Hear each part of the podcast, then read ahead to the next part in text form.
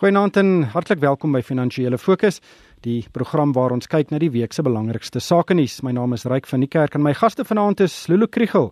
Sy is ekonom by PricewaterhouseCoopers. Goeienaand Lulu. Goeienaand Ryk.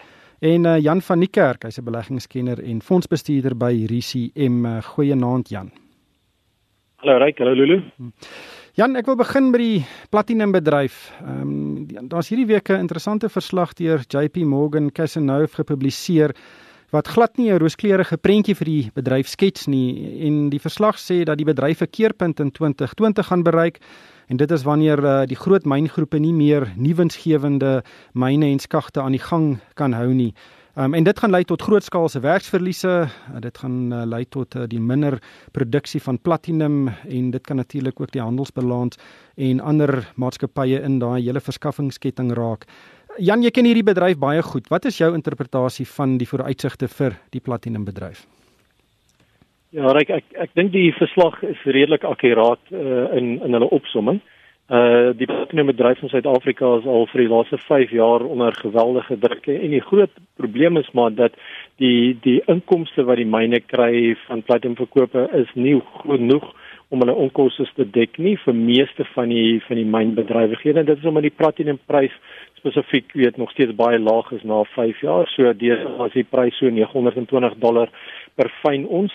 Nou die platinum myngroepe uh weet verskaf ook uh palladium en 'n uh, bietjie nikkel en 'n paar ander minerale, maar oor die algemeen het jy 'n hoër platinumprys nodig.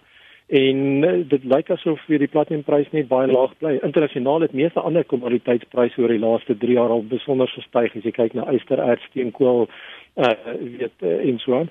So uh, die die die ander die industrie is onder groot druk en, en die groot issue is maar uh, weet internasionaal die vraag na platinum gaan toeneem en wat dit beteken dat dat platinumpryse gaan styg al dan nie. As dit nie gebeur nie, dan is die Suid-Afrikaanse bedryf onder groot groot stres. Ehm um, Lulu, uh, weet die mynbedryf se rol in ons ekonomie hierdie afgelope you know dekade of wat taamlik getaan Uh wat dink jy kan die invloed op ons ekonomie wees indien daar 'n weet soos die um, verslag beweer 'n bloedbad in ons platinumbedryf is?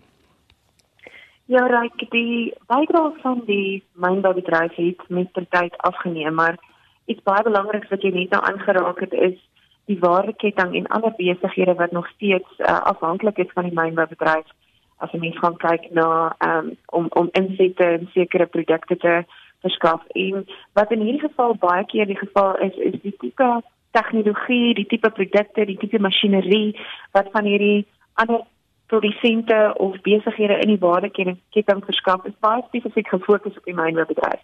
So hulle is nie noodwendig betrokke in ander dele van die ekonomie. En as 'n mens dit alles bymekaar tel, dan word daardie 6 of 7% wat die ekonomie of wat die mynbedryf bydra tot die ekonomie begin hier na 15 10 en 15% toe gaan as jy gaan kyk na al die res van die vervaardigingssektore en soos wat afhanklik is van die mynbedryf. En dan natuurlik ook baie belangrik is mynbou in Suid-Afrika nog steeds 'n relatief arbeidsintensiewe ehm um, industrie. Uh, ja, daar het baie mekanisasie plaasgevind, maar dit is nog al 'n redelike groot absorbeerder van uh semi-geskoolde en ongeskoolde arbeid en dit natuurlik op hierdie stadium waar die grootste probleem sit rondom werkskepping. Ehm um, dit is ook dikwels in gemeenskappe waar die myn uh, die sentrale punt is van die ekonomie. So ons het al meer en meer ehm um, myne wat met wat wat begin gesels en sê maar hoe maak ons seker dat ons ander ekonomiese aktiwiteit skep in hierdie area want ons is bekommerd as ons onttrek, ehm um, dan gaan dit basies hierdie gebied in 'n wel in sogenaamde spookdorpe verander. So die die downstream effek daarvan is is miskien groter as wat 'n mens baie keer besef. Jan Guedemantash, die uh, minister van minerale bronne, het hierdie week van die verhoog af gesê by 'n by 'n funksie dat daar's nie eintlik probleme in die bedryf nie. Die mynbase moet ophou kla, daar is baie reserve. Suid-Afrika het 'n groot minerale rykdom. Um en uh baie van hierdie kritiek en en en voorspellings van 'n bloedbad is maar daarop gemik om druk op die regering te plaas om van sy beleidsstandpunte te versag. Ehm um, stem jy daarmee saam? Wil ek neem aan jy stem nie daarmee saam nie. Kan jy vir ons sê hoekom? Ek stem ek stem nie daarmee saam nie. Ek dink meneer Montash het dan net deur 'n paar platinum myne se finansiële state lees. Uh om te sien uh, wat die stand van sake is. Daar's natuurlik van die ander myne soos ysterysmyne, nikkel en en uh, ferrokroom wat op die oomblik meer winsgewend is. So ek kan moet net versigtig wees om nie die prentjie in die platinum bedryf te gebruik om na die hele mynbedryf te kyk nie. Maar om die minerale te ontgin, het jy nodig kapitaal wat vir 'n lang tyd opge sluit sal word plus arbeid plus regulasie en as die regulatoriese omgewing nie goed genoeg is nie gaan daar bitter min instansies wees wat bereid is om kapitaal neer te sit om myne te ontwikkel en ons kan sien dat die ontwikkeling van myne in Suid-Afrika in die laaste 5 jaar weer tot stilstand gekom het. So uh, ons is besig om die bestaande myne uit te myn en ons is nie besig om te beplan vir die toekoms nie. Uh Anadelko wat die groot koper myne in uh, in Chili uh, is 'n baie goeie voorbeeld waar die regering ingemeng het en vir baie baie jare uh, nie belê het en ewe skielik kan hulle nie meer koper produseer nie want hulle het nie lank genoeg voor die tyd beplan daarvoor nie. So daar's genoeg voorbeelde in die wêreld om te wys weet hoe dit uh, hoe dit werk en hoe dit nie werk nie. Ek dink uh, meneer Montas uh, die politieke oogpunt kan nie erken dat daar groot probleme is nie. Hy probeer sê as mynbase en mynwerkers net goed oor die weg kom, sal dinge reg wees. Ongelukkig is daar ekonomiese realiteite en deel daarvan is jy het kapitaal nodig om myne te bou. Hmm.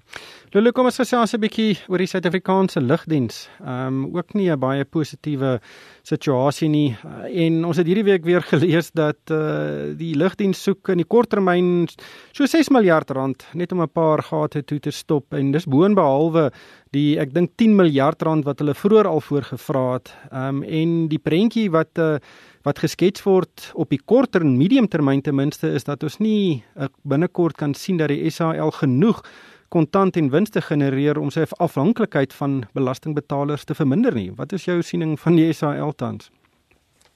Ja, ek um, ek dink is daar alles in van die staat instansies wat om baie mooi te dink of staat ondernemings wat om baie mooi te dink en wat presies is die rol? Hoekom is is daar aan 'n spesifieke staat onderneming?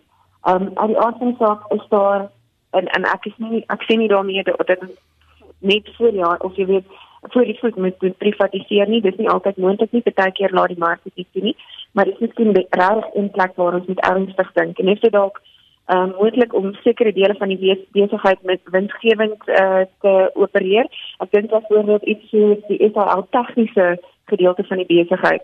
Waar ek verstaan ehm um, opereer nog uh, baie winsgewend want hulle verskaf tegniese dienste nie net aan SAL nie maar of SAA nie maar in 'n hele uh, 'n hele verskillende uh, groep van uh, van van ligrederye in Suid-Afrika. Uh, uh, hulle word wat wat wat hier land, hulle word ook gesien as een van die mees ehm um, mees ervare tegniese spanne in die wêreld. So, miskien is dit tyd dat ons gaan ernstig kyk en SAA ernstig kyk na watter dele van die besigheid maak nog sin kan winsgewend genereer uh jy weet wins genereer watter gedeeltes moet hulle dalk van ontslaa raak want ek dink nie die belastingbetaler het nou genoeg gehad daarvan om geld in 'n donker gat in te gooi. Ehm um, mense gebruik partykeer die vergelyking en sê die geld wat op SAL spandeer is, is genoeg om Emirates te koop. Ehm um, ek het gaan kyk en dis 'n bietjie darm 'n bietjie sensasie, dis nie die geval nie. Maar dit wat ons aan SAL spandeer in die laaste paar jaar is genoeg om die vyfde grootste lugredery in die wêreld, Emirates, vir 'n jaar lank te laat funksioneer en al die operasionele koste te betaal. So dit is 'n fenominale bedrag geld wat ons daarin gegooi het en veranderings in bestuur en al hierdie goed gaan oor die kort termyn die dinge regmaak nie. Ehm um, ek vermoed is daar alles te ver af in hierdie pad uh, dat ek omdraai kan kan sien sonder redelike drastiese veranderings in die strukturering. Hmm. Ja, en daai is eintlik 'n skrikwekkende syfer. Uh jy kan basies een van die grootste lugrederye in die wêreld bestuur net met die reddingspakkette uh en en dan bo behalwe dit is ons het nie die geld nie. Die die staatskas is uh, vir alle praktiese doeleindes leeg. Ja, ek ek dink 'n uh, mens moet net 'n bietjie van 'n lig daarop gooi onthou die, die hoeveelheid geld wat Israel op die oomblik benodig is omdat hulle skuld moet aflos, so hulle het bestaande skuld en hulle sukkel om die skuld te herfinansier by hulle finansierders wat vir jou sê uh instansies, banke, internasionale multinasjonale banke wat voorheen vir SA geld geleen het, nie bereid is om weer vir hulle krediet toe te staan as hulle hierdie skuld terugbetaal nie. So hulle kredietwaardigheid het afgeneem. So die geld wat hulle nou nodig het is om buite uh, instansies op te betaal.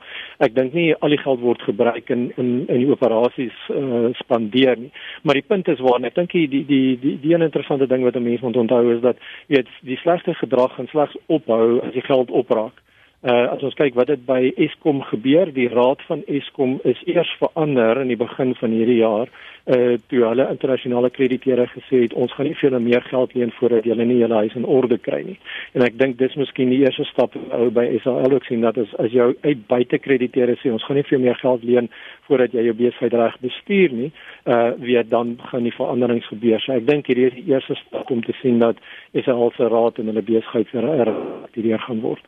Ja, ek dink is absoluut kritiek dat uh die president nou maar die ongewilde besluite begin neem en ten minste vir die SAL in sake redding plaas. Um en uh verder is dit die, ek dink die SAL het reeds bewys oor die afgelope dekades dat dit nie 'n winsgewende besigheid is in sy huidige struktuur nie.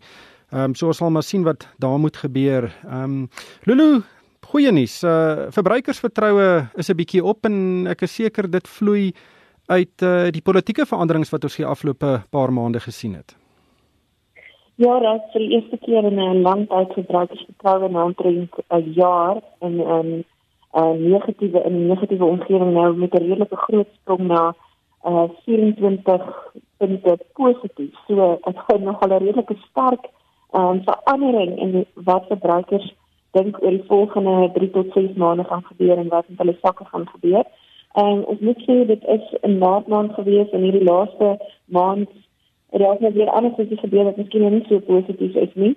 Ehm um, maar definitief 'n verandering in hoe verbruikers die die toekoms en vooruitsigte in Suid-Afrika sien en ons weet natuurlik dat verbruikers steeds bitter belangrik is vir ekonomiese groei in Suid-Afrika. Dit is nog steeds een van die grootste engines in die Suid-Afrikaanse ekonomie. Ja, Lulu, een ding wat nog altyd vir my uitstaan en ek dink nie altyd die uh genoeg na verwys word nie, is dit uh ekonomiese groei wat byvoorbeeld van 0,9% na 1,8% spring. Is miskien dit klink na 'n klein uh, verhogings, maar dis eintlik 'n verdubbeling van ons uh reële ekonomiese groei. En dit wys daar is 'n 'n momentumverskywing wat ook plaasvind. Eh, dink jy dit kan uh dalk met hierdie hoër verbruikersvertroue selfs nog meer of vinniger ekonomiese groei meebring? Wel ek sien daar is 'n paar van my kollegas wat baie optimisties is en wat reken ons kan groei van selfs bo kan 2% uh, hierdie jaar sien. Um ek dink die belangrikste ding is ons het gesien hoe vinnig dinge kan verbeter en verander in die positiewe rigting um, ongelukkig net so vinnig negatief ook, maar as daar positiewe momentum is, hoe belangrik dit is. Dan moet natuurlik ehm, 'n um, paar ander dinge ook reg speel, uh, as daar meer werk geskep word, um, as daar redelike salarisverhogings is en soos as maatskappye daadwerklik 'n verandering sien in hulle eie finansiële situasie uh, kan dit kan dit 'n positiewe momentum uh of die positiewe momentum versterk. En ja, jy ook maar daar net daai soos jy soos jy daar sien daai klein verskil uh, tussen 0,9 teenoor 1.5% beteken dat die die uitsig of die aktiwiteit is nie dit wat ons maak in in die ekonomie, die toename daarmee en op 'n jaarlikse basis iets verdubbel of, of ons verwag dat dit ons gaan dat dit gaan verdubbel. So dit is definitief 'n sterk positiewe momentum en ek dink En daar is 'n klomp ander faktore wat ook op hierdie stadium saamspeel. Ehm um, ongelukkig hier en daar 'n paar ander dinge wat nie in ons in ons uh, noodwendig binne ons beheer is nie. Ehm um, soos byvoorbeeld wat in Amerika en China gebeur uh, wat dit negatief kan beïnvloed. Jan, uh, jou siening oor waarheen ons ekonomie op pad is in die korttermyn? Ja, dan reg die Suid-Afrikaanse ekonomie is maar 'n klein oop ekonomie uh, op die kant van die wêreld en die wêreldekonomie is besig om te versterk. Uh, al die tekens is daar. Uh en weet as gevolg daarvan neem kommoditeitspryse toe. So Suid-Afrika behoort voordeel te trek uit 'n sterker wêreldekonomie. Uh die bietjie wat wat nog nodig is is vertroue in Suid-Afrika en ek dink weet die verandering in die politieke klimaat het 'n groot verandering gemaak in die laaste kwartaal, maar in die konteks van wat Suid-Afrika nodig het, het ons baie meer as dit nodig. So uh, ons is in die regte rigting op pad. Ehm um, so weet ek dink ons ekonomie sal vinniger groei, maar daar's baie meer wat moet gebeur in Suid-Afrika voordat ons volhoubare sterker groei in die orde van 4 of 5% sal kan sien. Hmm. Ja, Lulu net laastens uh, ons gaan ook uh, hierdie week sien hoe die brandstofprys verder gaan styg. Ehm um, dit kan dalk sy hoogste vlak ooit wees uh, en dit vloei uit die swakker rand en die hoër oliepryse uh wat ons tans sien en dan ook uh, nadat ons die groot verhoging in belasting op die brandstofpryse gesien het in April 52 sente liter en ook uh, BTW wat nou gestyg het en dit het natuurlik nog 'n handrem effek deur verskeie sektore in die ekonomie. Ja, daar het 'n bietjie skrikwekkend um, om te sien wat gister se uh, onderstraling was. Dit is meer as 'n rand. So ek dink as probeer net dink wanneer laas het ons meer as 'n rand verhoging in die brandstofprys gesien. Dit is hoofsaaklik gedryf deur die internasionale hoër internasionale pryse, so omtrent 2/3 daarvan as gevolg van hoër internasionale oliepryse, maar ook omtrent 'n derde afkomstig van die swakker rand wat ons die laaste paar weke gesien het. So 'n harde slag en ongelukkig nie noodwendig iets wat, wat positief is as ons gaan kyk hoe fantasties laag inflasie op hierdie stadium is nie want vervoer natuurlik 'n belangrike uh, insetkoste omtrent elke deel van die waardeketting. So ehm um, boonbehalwe dit wat die verbruikers direk van moet betaal, gaan dit hoogs waarskynlik ook 'n invloed hê op ander produkte. Gelukkig het ons 'n bietjie van 'n buffer met inflasie wat uh, wat op redelike historiese laagtepunte op die oomblik is. Ongelukkig hierdie tyd ons ingehaal. Baie dankie aan Lulu Kriel. Sy is ekonom by PricewaterhouseCoopers en Jan van die Kerk. Hy's 'n beleggingskenner en fondsbestuurder by RCM. En vir my ryk van die kerk, dankie vir die saamluister en ek hoop almal het 'n winsgewende week.